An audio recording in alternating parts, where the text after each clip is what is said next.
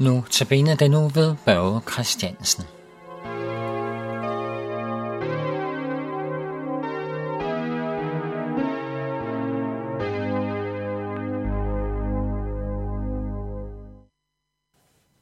Til i dag skal vi høre øhm, fra salmernes bog, salme 40, øh, versene 2 og 3. Men øh, inden, inden vi starter på endagten, vil jeg lige bede.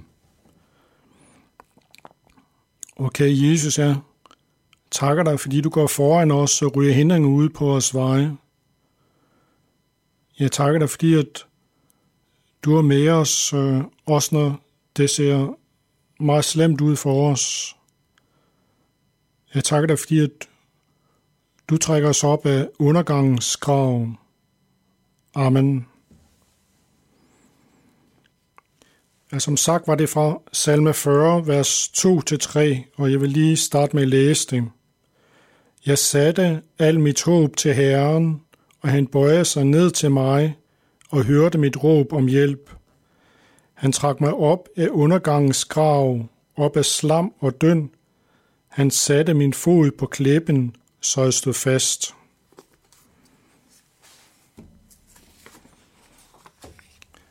Man ser ofte på film, at en person træder ud i kviksand.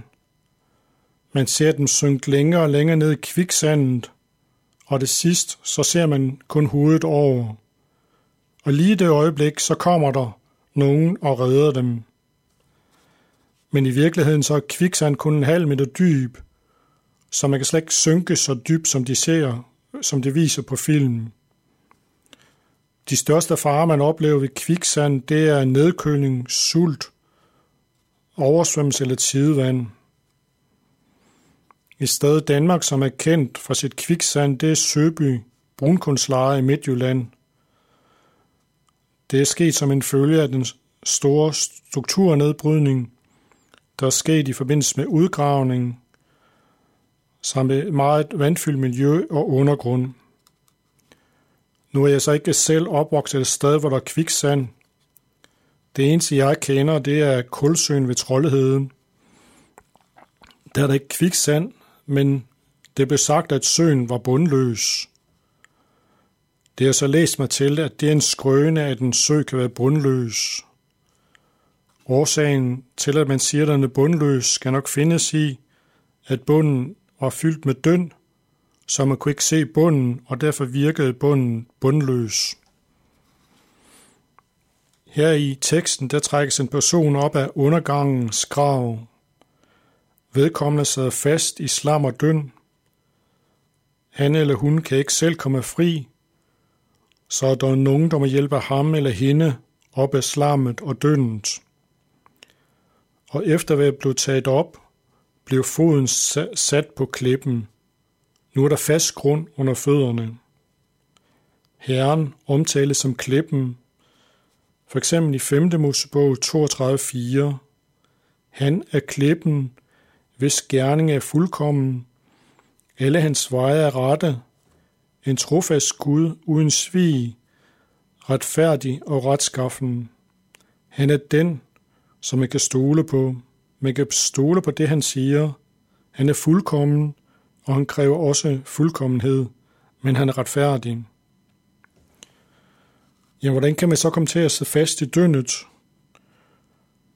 Ja, som kristen kan vi forsøge at leve op til Guds krav om, at vi skal være fuldkommen, men vi finder ud af, at vi ikke er i stand til at opfylde de ti bud af egen kraft.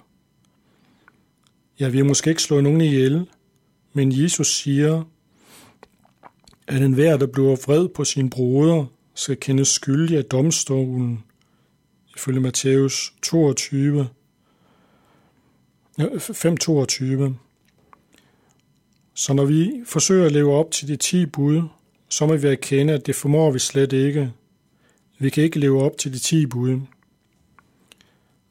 Jamen, hvordan kan vi så komme op af dønnet? Her siger Isaias 1.18, at jeres synder som skarlagen, kan de blive hvide som sne. Er de røde som purpur, kan de blive som uld. Ja, Jesus han døde på korset langfredag for vores skyld. På den dag tog han alle vores synder på sig. Jesus, som var syndfri, tog dommen på sig, og derfor kan vi gå fri på dommens dag. Hvis vi sidder fast i døgnet, så må vi sætte vores lid til Jesus, så kan han få os op af døgnet igen. Amen.